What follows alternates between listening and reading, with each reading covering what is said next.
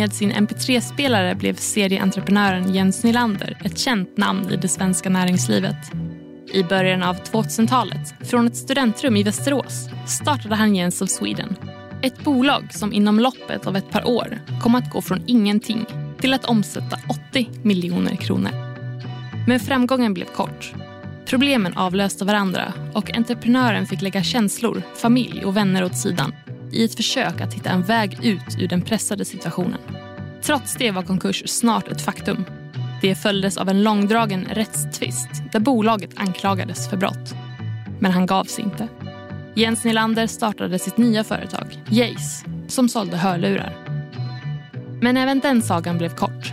Tvisten från den tidigare härvan med Jens of Sweden hängde över honom och han försvann från den nya satsningen under dramatiska former. Efter det var det tredje gången gilt för entreprenören. Tio år efter att han startade det första bolaget gjorde han comeback till startup-sfären. Den här gången startade han Automile, en plattform för digitala körjournaler. Bolaget såldes efter ett tag i en miljardaffär. Han var äntligen i mål. Vägen har varit tuff, men utan motgångarna hade han inte varit där han är idag. Det är såklart att när man försöker lösa problem i en hög takt då, då, då har man liksom inte tid att vara den här mjuka personen som man kanske måste vara också och diskutera hur var, hur var helgen. Utan vi måste göra det här nu. Vi ska vara klara senast klockan tre idag. Och det, det får ju konsekvenser helt klart, både på mig själv men också eh, medmänniskor runt omkring mig. I serien Inte ensam uppmärksammar Breakit entreprenörer som nu eller tidigare kämpat med motgångar i sitt bolagsbyggande. I tre avsnitt i Breakit Podcast intervjuar vi profiler i det nya näringslivet som öppnar upp om svårigheterna och om hur de tog sig igenom de värsta stormarna. Reporter är Martin Hävner. Jens Nylander, det är 20 år sedan du startade Jens of Sweden. Berätta, hur fick du idén till det som kom att bli ditt första stora, riktiga bolagsäventyr? Jag satt ju som alla andra och försökte byta mina skins på min Winamp-spelare i min dator. Och eh, jag laddade ju såklart ner som alla andra illegalt de här så kallade mp3-låtarna. Och eh, på något sätt ville man ju bära de här låtarna med sig när man var ute på språng. Och Det var egentligen grunden till att jag ville hitta någonting som kunde göra att jag kunde ta med mig ett axplock av mina favoritlåtar till gymmet eller om jag skulle ut och springa eller göra någonting annat. Och det var då jakten började på vilken kan jag hitta som kan hjälpa mig att tillverka den här produkten. Det var starten och idén för Jens of Sweden. Och det blev en mp3-spelare. Och vi kanske ska säga till våra yngre lyssnare att mp3 var ett filformat man använde för att spela upp musik och, och eh, föra över musik till varandra. Och detta var alltså innan Spotify. Men vad hände? Timingen visade sig vara närmast perfekt, eller? Ja, alltså jag har ju aldrig trott någonsin att det skulle kunna gå så fort att bygga ett företag. Men man kan säga så här, bokstavligen talat från det, det ögonblicket jag skulle börja sälja de här mp3-spelarna som var små manicker som man kunde bära runt sig i halsen på Blocket så gick de första tio blixtfort. Det tog nog inte mer än 15 minuter och sen så gick nästa batch iväg. Och sen höll det på så där i kanske en veckas tid och då kom jag på idén att nu måste jag börja ringa återförsäljare. Och det var då jag började ringa de stora elektronikkedjorna för att se om de hade något intresse av att sälja de här produkterna. Vad sa de? Ja, de tyckte att jag var lite smått galen att jag hade tagit personnamn till ett varumärke på en elektronikprodukt. För det var ju inte så vanligt kan man ju säga då, när allting annat hette någonting annat. Och eh, jag hade lite svårigheter, men det tog inte längre än att de fick prova produkten och sa den här måste vi sälja. Så att jag vill nog påstå från det ögonblick att de fick produkten i handen så var nog beslutet gjort inom 15 minuter. Så att det gick väldigt, väldigt, väldigt fort. Så de kom tillbaka och la stora beställningar? Absolut, och på den tiden ska man komma ihåg det att även om e-post fanns för 20 år sedan så eh, var det så att eh, de flesta beställningarna skedde via fax. Så jag var tvungen att köpa en fax till det lilla kontoret jag hade, eller studentrummet. Och eh, faxen den, eh, den smattrade för varje Siba-butik, on-off-butik, expertbutik och vad de nu hette på den tiden.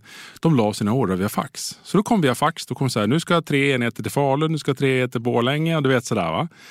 Och eh, jag kommer bara ihåg det där att en morgon när vi kom, då låg det 500 sidor där. 500 ordrar. Det var bara att plocka upp från golvet då? Eh, ja, det var bara att fylla på papper till att börja med, mm. för det var slut. Ja, jag förstår. Och den här produkten, den var snygg, designad och låg lite billigare i pris än många andra? Absolut. På, på, på, den tiden så var ju minidisk alternativet och det var ju liksom ett annat format kan man kalla det. Och eh, de få MP3-spelare som hade kommit ut, de var väldigt dyra och väldigt, kanske, hur ska jag säga, lite större i formatet. Så att vi var tidigt ute och vi hade relativt, eh, vad ska jag säga, kostade runt 1500-2000 kronor. Det var ju rimligt för, för gemene man helt enkelt. Och det exploderade inom bara några månader, ett halvår tror jag det är, så är ni uppe på ganska hög omsättning. Ja, alltså jag tror bara första månaden så gick vi från alltså de här tiotal MP3-spelarna upp till ett par hundra och sen gick vi fort till ett par tusen och sen låg vi nog och taktade någonstans, en, ja, någonstans mellan 8 till 10 000 MP3-spelare i månaden. Så att man kan säga att det gick ganska fort första året. Vi, vi omsatte långt över 100 kronor på vad, vad som kallas bo, bo, bolagets första bokslutsår. Så det gick ju hiskeligt fort. Alltså man, man hann inte ens med. Ett litet kontor på 14 kvadrat blev 50 kvadrat, 50 kvadrat blev 150 kvadrat, 150 blev 300. Alltså så det höll det på. Va? Och eh, det, du hann inte ens plocka upp grejerna innan det var dags för nästa kontor. Hur kände du dig i det läget när du bara kände att det, det här flyger? Nej, men jag, jag kände mig, jag är liksom i det här maskinläget. Jag ska bara leverera. Så jag stod ju bara liksom och levererade. Alltså, då menar jag knacka ordrar eller hjälpte att prata med kunder eller la nya ordrar. så här. så att jag var så himla fokuserad på liksom tillväxten att jag, jag gjorde ingenting annat. Och då menar jag verkligen ingenting annat. Från det att man klev upp eh, sex på morgonen tills man gick och la sig tolv på natten. Då var det bara det här man gjorde liksom. hela tiden. In, alltså sju dagar i veckan. Men firade inte någonting eh, med de du anställde eller eh, det var bara jobb? Jag, jag kan nog, alltså på den här korta ändå korta tidsperioden på drygt, ja, ett och ett halvt år totalt, om jag säger ett år då, då liksom man hann inte det. Det är klart att det förekom, liksom, ja, men nu går vi ut och äter middag och sådär. Men det, då var det så här, nu är vi tillbaka till kontoret igen. Det var klockan sju, åtta på kvällen. Så det var liksom inga sena festnätter med någon extrem eh, extravaganza. Liksom. Det, det var det inte på tal om överhuvudtaget. Så efter den första framgångsperioden så började det komma lite problem på olika fronter nästan samtidigt som jag förstår det. Vad var det som hände? Ja, på den här tiden så var ju fortfarande det här formatet som, som man lagrade mp3-låtar på ett, liksom ett, ett, inte ett fullt legalt format. Så man, liksom, man började ifrågasätta hur får kunderna liksom tag på de här låtarna. Och då var ju skivindustrin en faktor, att de ville liksom ge oss på de som tillverkar de här produkterna. Så fick skivindustrin på oss och fick artisterna på oss. Sen fick vi också olika typer av vad ska jag säga, myndigheter på oss. För det, det, det skedde ju liksom, I det här skedet så skedde det mycket förändringar liksom med hur de här produkterna skulle, eh, hur, vad, vad är det för tull som ska erläggas. Kemikalieskatt fanns inte på den tiden men det fanns något som heter kassettersättning. Ni vet det är mm. ersättning för att man spelar låtar i radion en mängd eller kopierar ett band av någon annan kompis. Eh, så, så det fanns liksom eh, sådana här saker att hålla reda på och det var väldigt infekterat väldigt tidigt vill jag påstå. Just från musikindustrin? Ja, det vill, jag, det vill jag nog säga. att Det var väldigt, det var väldigt liksom infekterat från, för det fanns ingen vilja att, att göra någonting åt det egentligen. Nej. Så den fighten behövde du ta. Sen började det dyka upp lite kvalitetsissues.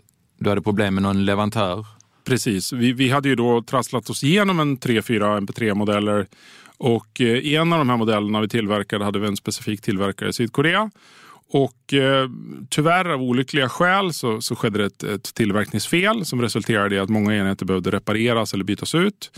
Och det orsakade såklart eh, omfattande kostnader både för, för, för bolaget men även för återförsäljarna. Mm. Det, det gjorde det helt klart. Så det var ju liksom början på att det började tillsammans med den här infekterade skivindustrin och förändringen av regler och sånt gjorde att det blev mycket, mycket svårare att sälja och överleva på en MP3-spelare. Mm. Jag läste något att en amerikansk återförsäljare gick i konkurs ungefär i samma veva också. Va? Det stämmer, ja. Det var en större återförsäljare i USA som hade köpt hem eh, ganska många tusentals. De kanske hade köpt hem grejer för fyra miljoner från oss eller någonting som gick i konkurs och vi förlorade hela den delen. Så det är liksom, det, det är så business är och tyvärr så skedde allting samtidigt. Mm. Lite olyckligt. Ett par av asiatiska leverantörerna kom till och med till ditt kontor och ville ha betalt. Minns du det? Minns jag mycket väl. De är, hade ringt mig innan och frågat får vi komma. Jag sa så här, nej för att vi har en pågående tvist. Ni och vi. Det, är ingen idé att vi sitter ner utan ska vi sitta ner så är det bättre att vi sköter det i våra, våra advokater. Men de vill ju väldigt gärna komma. Och en morgon så får jag ett samtal som säger så här, men det står två koreaner utanför här i dörren. Och eh, det där var ju det där var en lång historia. ja, jag vet inte riktigt om jag ska vara stolt eller inte stolt, men det, det slutar ju faktiskt att polisen fick ju komma dit och, och plocka bort dem från platsen. De fick ett kort möte, men det resulterar ju inte i någonting, utan de vill ju ha faktiska pengar på bordet. Liksom. Och så fungerar det ju riktigt kanske inte, tycker jag, här hemma i Europa. Men de skulle ha det så. Okay. Men eh, det var ju lite, ja, det var ju också lite infekterat. Helt klart var det det. Liksom. Nu kommer man ihåg det liksom på, på ett roligt sätt. Men eh, vid det ögonblicket så var det, var det väldigt hett. Det, det, det kan jag säga. Var du stressad då? Nej, det, det, var jag absolut inte. Men det är såklart att när två koreaner kliver in på ett kontor där jag inte är närvarande och där anställda börjar bli oroade och sen inte vill gå därifrån då uppstår det ett problem som jag måste ta tag i. Och det är såklart att det sista man vill göra är att ta dit liksom polisen för att liksom få bort folk från platsen. Men liksom, det, det, vi gjorde det på ett sätt som jag tror att i alla fall ingen upplevde det som hotfullt eller någonting annat. Men, men eh, då, då kan jag väl säga att stressnivån gick upp lite mer. Att man vill liksom se till att ingen känner sig hotad på ett eller annat sätt. Och sen vaknade konkurrenterna också och började komma med sina modeller och pressa priset. Hur reagerade du på det? Kändes, var det väntat att den utvecklingen skulle komma? Eller? Nej, men den, den var nog väntad. Sen så kan man ju säga så här att liksom, eh, det kom ju fler och fler konkurrenter under månaderna som gick. Först från början kanske vi var två eller tre, sen blev vi fyra. Och sen blev vi sex, och sen blev vi åtta och sen blev vi tolv. Och då blev det lite kämpigt. Det, det var ju så att eh, marginalerna på de här produkterna sjönk ganska kraftigt också från, från 2013 fram till 2014.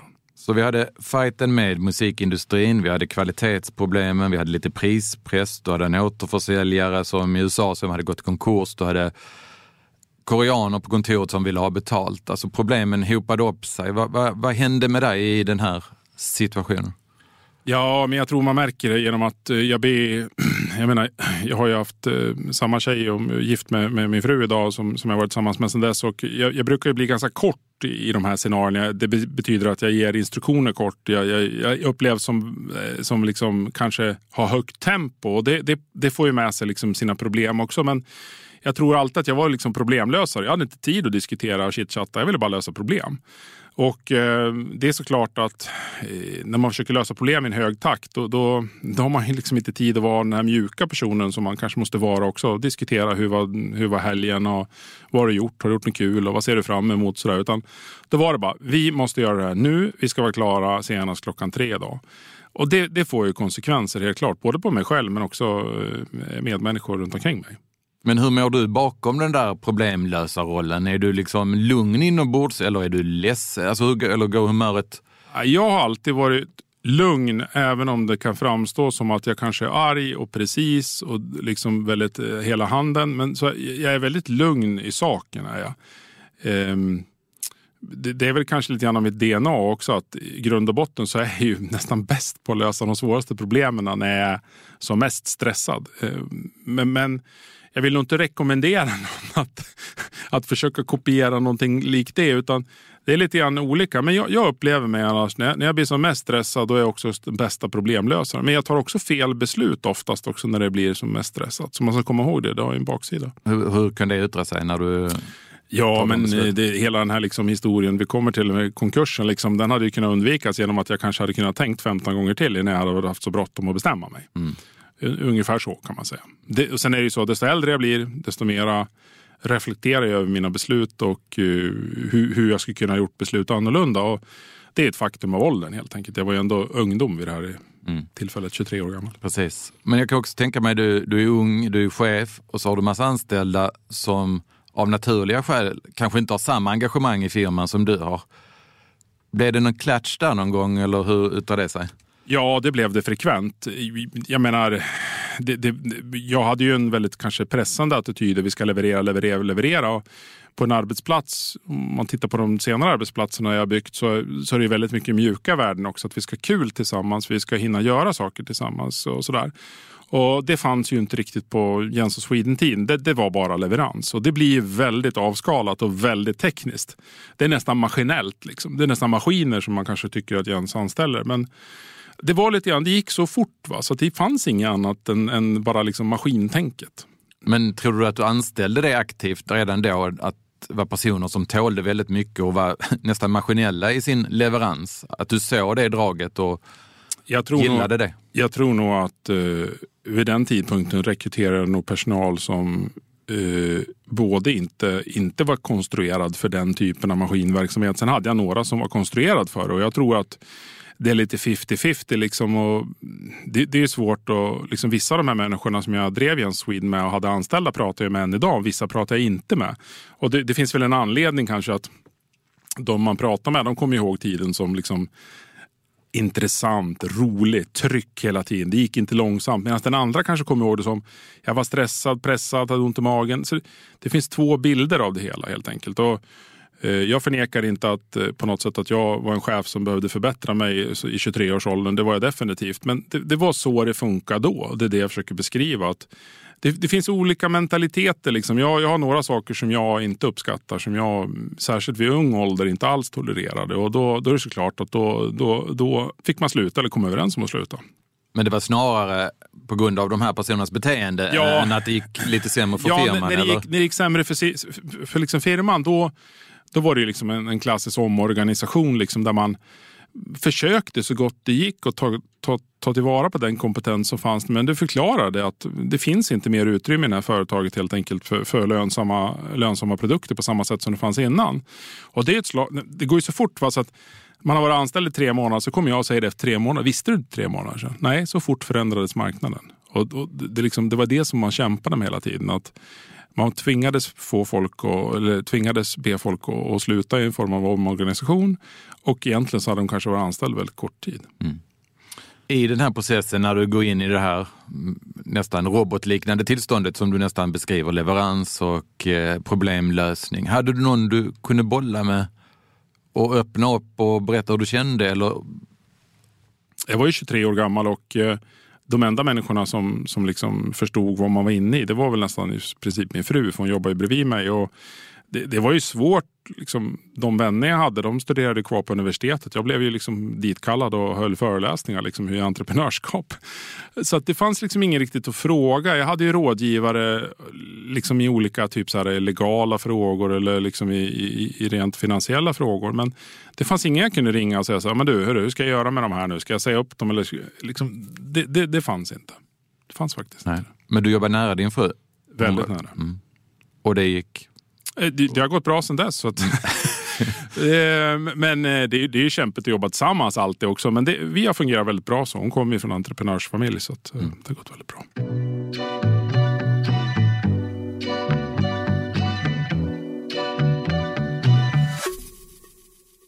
Men vid någon tidpunkt så måste du ha insett att det här sagan om Jens och Sweden antagligen är över. Kommer du ihåg, var det, var det en gradvis process eller var det ett särskilt ögonblick?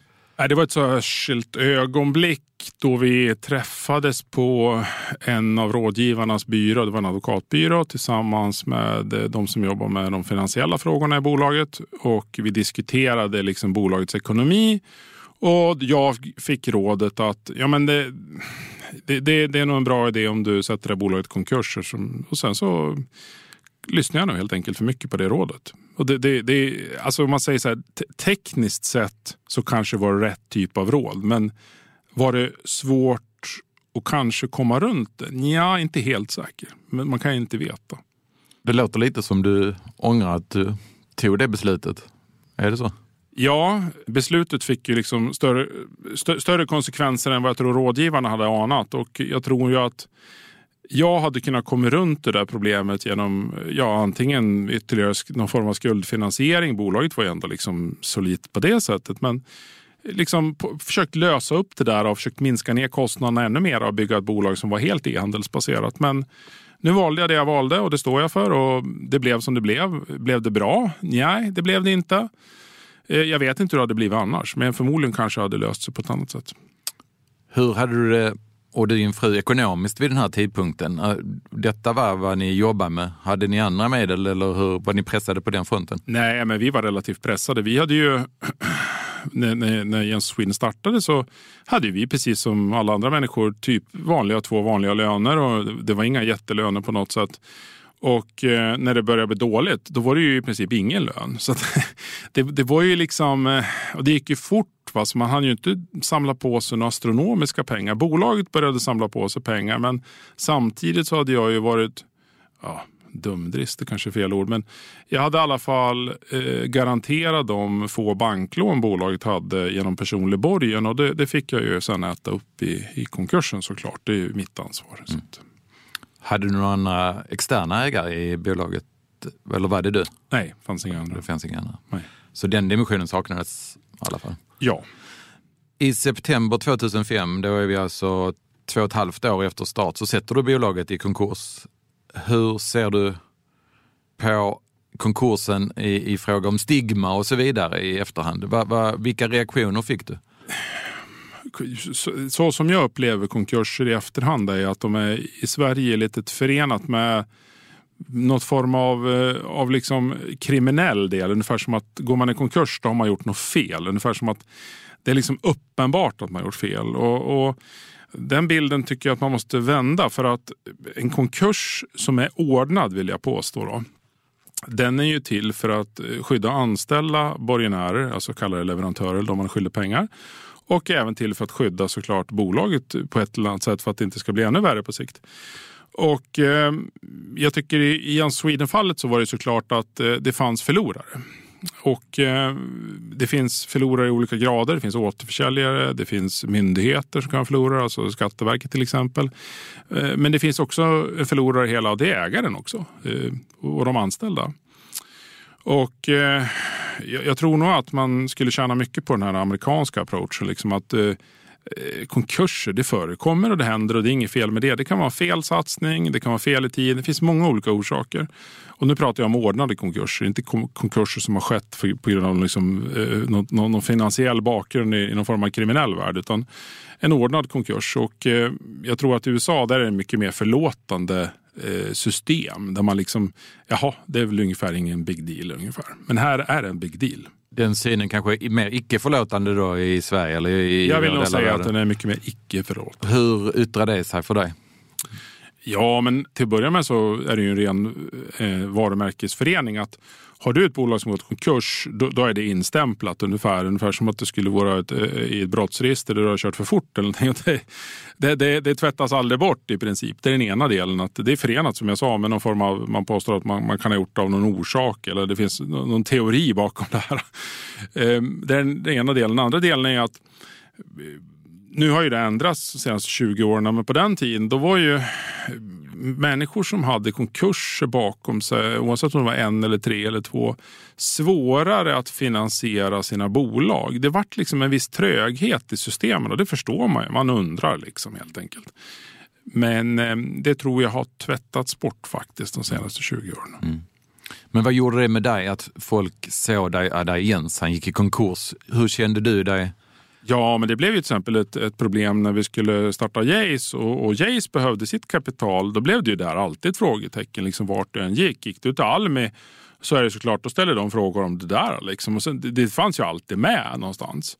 Sen så vill jag påstå, det försvann efter tio år eller någonting, men det, det var ju alltid ett frågetecken. Störde det dig? Ja, men så, jag är lite byggd så här att när någonting stör mig så hakar jag inte upp mig på det utan då hittar jag en väg runt. Men, men problemet är att lösningen kanske inte blir lika bra. Till exempel liksom hur vi reste kapital till Automa, eller förlåt, till, till Jace kanske inte var det perfekta exemplet om jag säger så. Där skulle jag gjort mycket annorlunda men jag kanske hade bara det möjligheten just då. Mm. För om vi glider över då i ditt andra äventyr, Jace, som tillverkade och sålde vad ska vi säga, exklusiva hörlurar. Du startade ju det ganska kort tid efter konkursen i Jens of Sweden. Var, vilka drivkrafter inom dig fanns då? Jag hade ju sett tydligt att på MP3-spelarfronten att allt handlar om tillbehör och jag förstod ju att eh, musiken skulle flytta in i våra telefoner och då fanns ju inte iPhone eller smartphones överhuvudtaget. Utan eh, jag förstod bara att ja, men då började vi med hörlurar och vi började med hörlurar som var lite dyrare, runt 1000 kronors klassen. Eh, vi tillverkade dem själva och designade dem själva. Och för det här behövde vi riskkapital och det var där liksom egentligen min externa kapital, alltså erfarenhet av att resa externt kapital påbörjades. Någonstans 2005. 18 år sedan. Mm. Men det hade gått så kort tid. Jag menar, för många kanske hade legat i fosterställning först ett tag innan de reser sig. Du hade tre eller fyra månader, ett halvår kanske. Va, vilka drivkrafter fanns inom dig? Var det revansch eller du, nu ska jag visa de jävlarna? Eller fanns ja, det något sånt? men det, det, finns ju alltid liksom, kanske så här, liksom, tävlingsmentalitet. Man vill visa att man kan. Det finns ju. Men samtidigt så är det ju mycket, handlar ju väldigt mycket om det här med att eh, jag var då 25 år gammal och kände att jag har ju inte ens börjat min karriär och jag måste ju såklart visa att jag kan mer. Och eh, jag tyckte att det var ett ypperligt tillfälle att inte sitta still och visa för det var ju sån himla förändring på marknaden. Spotify hade ju inte knappt kommit ut. Liksom. Jag fick ju se den första versionen där vid den tidpunkten. Men så att det, det, jag kände bara nej, jag ska inte sitta still. Även om det är mycket som säger att jag borde inte göra någonting ett tag så tyckte jag nej, jag ska inte sitta still. Men den förmågan att borsta av sig den här konkursen, är det, är det, är det något du har tränat upp eller är det en personlighet ja. eller har du sett någon annan göra så? Nej, jag har nog tränat upp den här. Den har jag fått höra flera gånger i mitt liv. Det här med att du klarar av att borsta av allting. Liksom. Jag, jag, jag, det är ett DNA jag har lyckats bygga genom att liksom jag, jag alltid filosoferar, vad är det som värsta kan hända mig? Jag kan bli sjuk, eh, jag kan råka ut för en olycka då. Eh, det, det, är liksom det värsta som kan hända såklart. Men eh, så länge jag, jag har någonting att äta för dagen så är jag nöjd. Och det är liksom, jag lever i den där tron att det finns ingenting som kan liksom förstöra den tillvaron för mig. Och eh, jag kan sätta allt på spel för att jag har den, liksom, kanske kallar det våghalsigheten eller DNA. Men att, att lära sig att borsta av saker är viktigt. Att kunna lägga sig i sängen och känna att eh, det där, är, det där är ett annat problem. Det blir morgondagens problem. Förstår. Sedan lämnade du Jace också efter ganska kort tid. Vill du berätta vad hände då? Ja, men vi hade ju, liksom, Jace behövde ju riskkapital för att byggas för att vi byggde produkterna själva så krävdes relativt omfattande investeringar. Och, eh, de här investeringarna skedde genom vad vi kallar tranches. Eh, alltså man skedmatar egentligen bolaget med pengar när de behöver pengar. Och eh, Det var väl ett av mina sämre beslut i min karriär att tillåta en sån finansiering. För vad som händer då, det ökar stressnivån och skyhögt internt mellan medgrundare och personal. Och eh, det var väldigt svårt att få färdigt många produkter samtidigt liksom innan de renderade någon försäljning. Och eh, jag kände att så här kan inte jag jobba. Och vid den tidpunkten så fanns det någon som kunde tänka sig att ta över och då kände jag ja men då, då lämnar jag vidare om det är så man tror att man kan lyckas. Men, men jag, jag levde i tron på den tiden att krävs omfattande investeringar. Bolaget måste ha stort andutrymme för att kunna liksom leverera. Men vi hade tyvärr inte den typen av finansiering på plats. Så du lämnar över vd-skapet till en annan person. Hur, hur var det? Ja, men på den tiden då kanske det var förenat med lite mer känslor för att det är ett bolag helt egenfinansierat. Jag tyckte, även, jag tyckte att, att eh, de som hade finansierat bolaget tog stort ansvar för det också. Så att jag, jag tyckte att det var en, eh, en resa för mig att göra också och förstå och så vidare. Sen så så, så kanske inte råder samstämmighet liksom i hur man skulle driva ett sånt här bolag. Men, men liksom, det, det, är ju liksom så det är. Jag kan ju inte bestämma allting för jag satt ju inte på någon majoritet. Och jag hade inte, jag hade inte tänkt heller att bråka om det. Liksom. Så att, eh, jag hade ju liksom, när jag hade bestämt mig, då var det redan klart. Liksom. Men vad hände med dig när du såg att bolaget drog i en riktning som inte du höll med om? Vad gjorde du då? För... Ja, men då, det är såklart att först sa, sa jag väl vad jag tyckte. Det brukar jag vara rätt duktig på. Eh, och det brukar ge sin, sin dust av kommentarer. Eh, men jag brukar säga vad jag tycker och sen får det vara så. Eh, och sen så kanske andra tycker annorlunda. Och då blev det ju såklart liksom lite, jag säger så här, det, det blir som alltid i startups. Liksom. Det, blir lite, det blir lite stökigt brukar jag kalla det. Men det var intern, mer internstökigt än externstökigt. Liksom, produkterna sålde och byggdes ju, men det vart lite internstökigt. Att liksom, ja, men han tycker det, hon tycker det och så, så liksom slussar man folk runt. Och det, eh, ja, det tycker jag inte är värt mycket. Inte för entreprenörer eller riskkapitalister eller någonting annat heller. Man ska försöka vara så enad man kan med, med, med grundarna. Mm. Så långt det går i alla fall. Men den processen måste kanske till ibland, att alla får säga vad de tycker innan man hittar en väg fram? Ja. Eller? Den är ju bättre i USA ska jag säga efter att ha bott där. Att där är ju väldigt högt i tak. Där kan det ju komma ut vad som helst i ett styrelsemöte. Det kan vara totalt obekvämt för alla men eh, det, det är ganska bra ändå att man vågar säga precis vad man tycker så blir det inget jädra strul.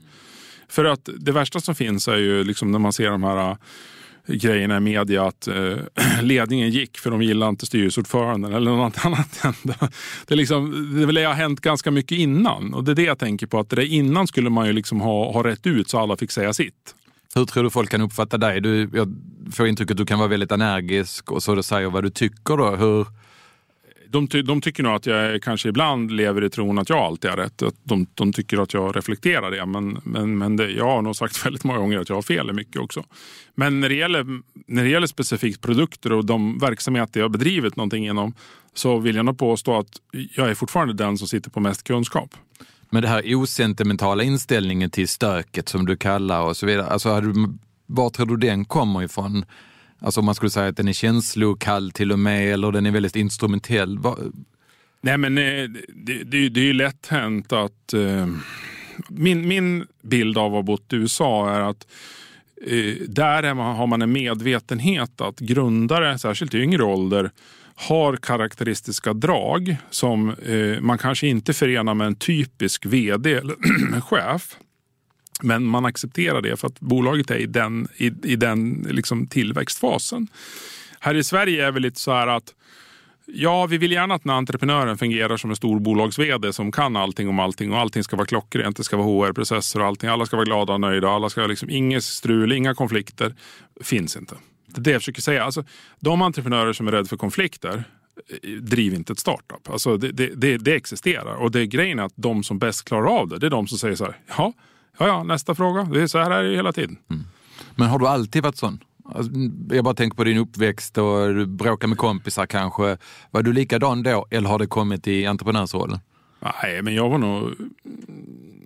Ja, jag var nog så från början. Jag, jag måste säga att jag aldrig hamnat i något bråk på det. Aldrig slagsmål och Jag har liksom alltid klarat mig undan det där. Så jag är väl duktig på att prata kanske då, men jag tror att eh, det har lite grann att göra med liksom det här med om min fru till exempel vill lösa ett problem under middagen, då brukar jag säga så här, stopp här nu. Varför ska vi lösa det här nu? Det kan vi lösa imorgon. Ja, men det var jobbigt att tänka på det. Ja, jo visst. Det Men det är, det är, det är, försök att tänka annorlunda. Tänk bort det så tar vi det imorgon. Alltså det är det jag menar. Liksom. Man behöver inte lösa allt här och nu. Liksom. Och det, det, finns också den här gränsen att när någon annan är irriterad, sämsta ögonblicket att börja fighten. Så brukar jag säga. Så då är det bättre att lugna ner sig och, och vänta. Och den kanske har kommit senare delen av åldern. Men den här mentaliteten att vara lite lugnare och bara lösa problemet, den har nog funnits från början.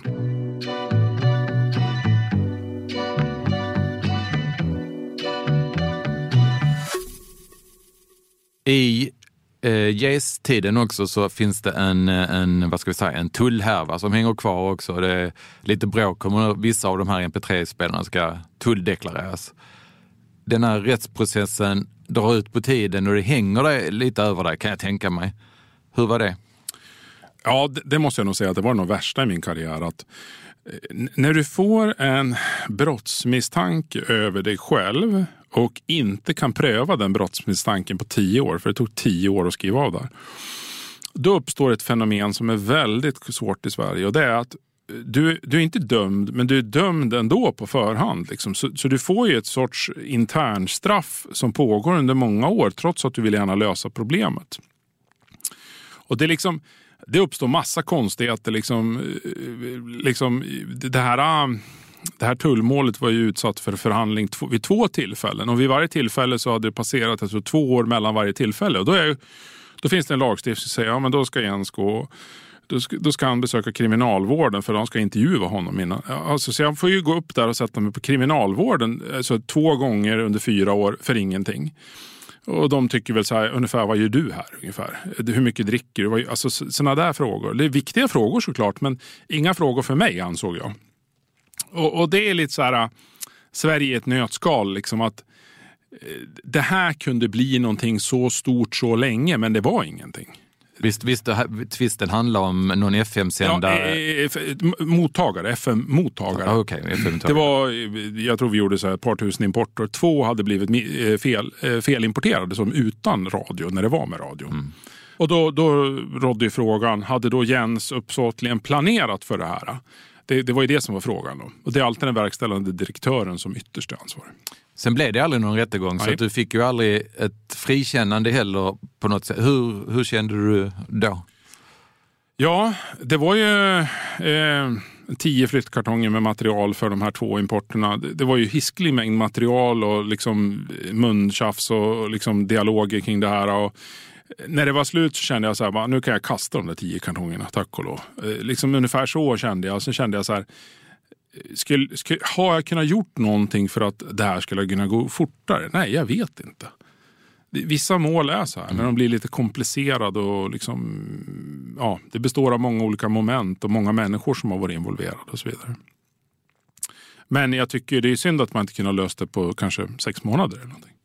Men detta var ändå det tyngsta du varit med om. Där kunde du ja. inte använda det här. Nej, jag kunde inte använda min Jag kunde inte göra någonting. Det var det som var så, var det som var så frustrerande. Så om du frågar mig, liksom, då var väl det som jag mådde sämst över. att på tio år inte kunna göra. Alltså, jag kan ju inte göra någonting. Liksom. Jag kan inte snabba på. Jag kan inte ringa och säga så hör nu, kan ni fixa det här nu? Vill, nu vill jag in i domstolen imorgon så är jag klar med det här. Eh, och det finns ju inte någon amerikansk möjlighet som man säger så här, kan vi göra liksom en så här, vi, överenskommelse? jag betalar pengar. Så, så går det inte till här? Nej, det går inte till här. Och vilket är bra ska jag säga. Så att, men det, det, får ju liksom, det får konstiga konsekvenser där liksom alla väntar på något sätt. Mm. Ska han bli dömd, inte dömd? Ska han bli avskriven? Liksom så här, det blir, det blir eh, moment 22 helt enkelt. Men då är du i tidpunkt du lämnar GES. Jag tror inte du fick ut särskilt mycket pengar i förhållande till arbetsinsats, stämmer det?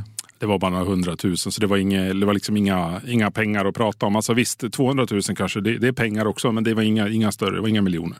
Så du har lämnat två bolag, du har rättsprocessen fortfarande hängande över dig där tror jag. Hur, var är du då i livet?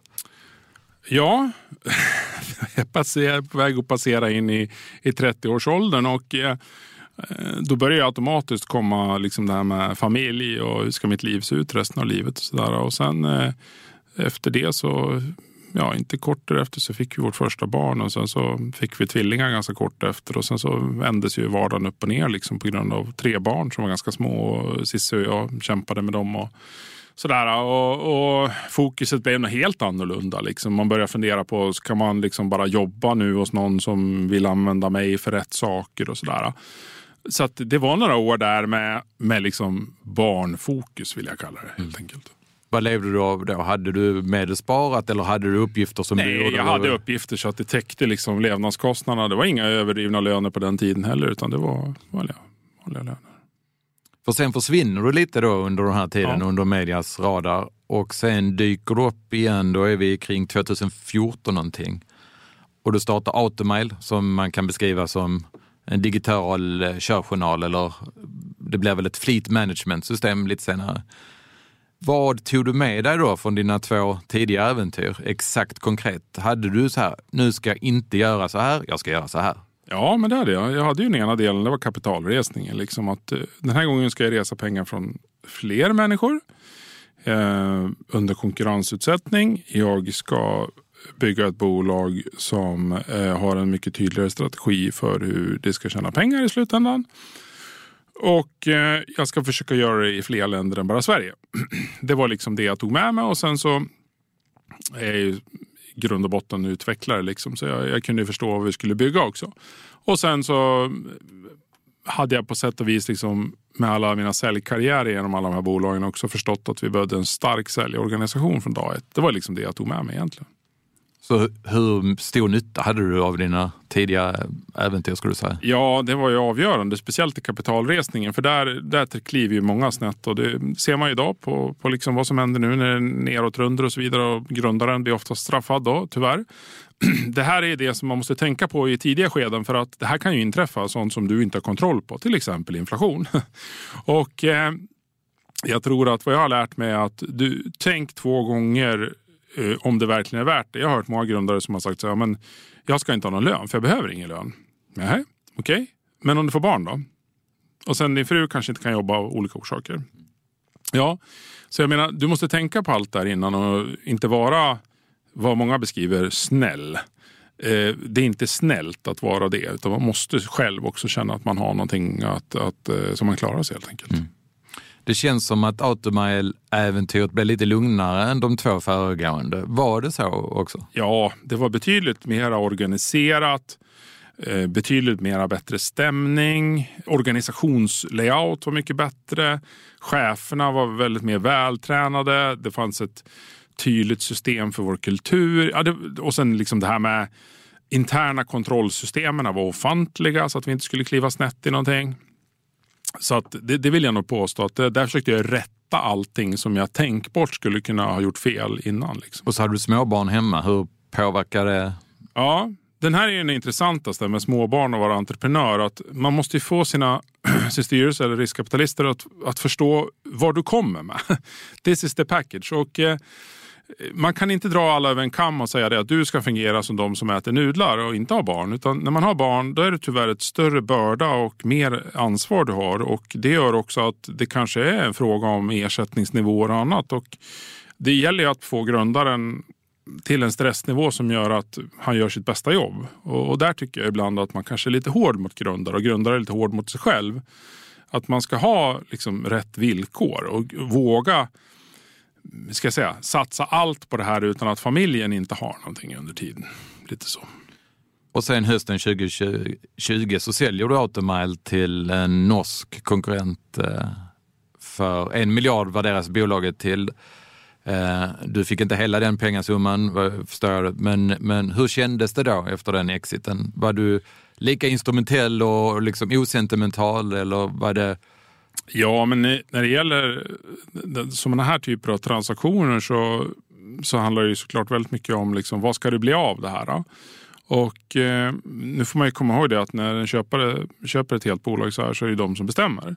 Och man måste ju förena sig med den tanken och det kan ju ta lite tid att eh, själv känna att nu är det någon som vill bestämma och göra så här. Och sen måste man ju fundera på, är det det du själv vill också? Det, vill du själv liksom vara den här personen i den här mixen? Så jag, jag, tror mycket av frågorna handlar om det. Liksom. Sen, det uppstår ju en viss tomhet som du säger. Liksom, ditt beslutsmandat upphör ju mm. plötsligt. Men det är en naturlig del och den tyckte jag att jag svalde väldigt fort. Liksom, den delen. Men sen så, ja, eh, det, det blir en annan kultur också helt plötsligt. Vad menar du med det? Ja, men oftast köparens kultur kan ju vara helt annorlunda mot säljar, säljarens kultur. Och då uppstår ett kulturskifte också. Mm. Och det, det är ju påfrestande också för entreprenörerna och anställda också för den del. Och nu har du släppt Automile helt? Ja, helt rätt. Mm. Korrekt. Kommer du göra en fjärde bolagsresa tror du? Ja, alltså nu har jag blivit 43 och eh, när jag sålde Automile 2020 så hade jag liksom funderat på framtiden och jag hade funderat just kring energifrågor och eh, kring eh, AI. Eh, fint namn, men jag gillar det inte egentligen. Men jag säger det för att summera allting för alla. Så jag började bygga två kallade tjänstelösningar för det här och har hållit på sedan dess i över två år, snart tre år. Då. Och det, det jag fascineras över när jag bygger är liksom vad man kan få fram av det. Sen är det frågan om när är marknaden i takt? Just nu så känns det som att eh, jag försöker beskriva för alla mina kompisar som kommer hem från jobbet klockan fem att jag brukar säga så här, håll i pengarna. De bara, vadå håller i pengarna? Det är bara en tillfällig grej där. Ungefär som att de inte har varit med innan. Jag brukar säga så här, men meningen med räntehöjning är att du ska hålla i pengarna. Har du inte, har inte, hört, har inte hört vad alla säger? Eh, men så det är liksom så här, jag vet inte riktigt vart vi slutar än om jag säger så. Det, det känns skakigt, det känns rörigt, eh, valutor och det känns rörigt av många olika orsaker. Då är jag också lite så här, då fokuserar jag på mitt, ser hur långt jag kommer och så ser jag när marknadsdynamiken ändras. Sen har jag ju liksom till de här sakerna jag har byggt så har jag haft turen att ändå få en, eh, en del kunder på, som liksom hittar mig på ett eller annat sätt.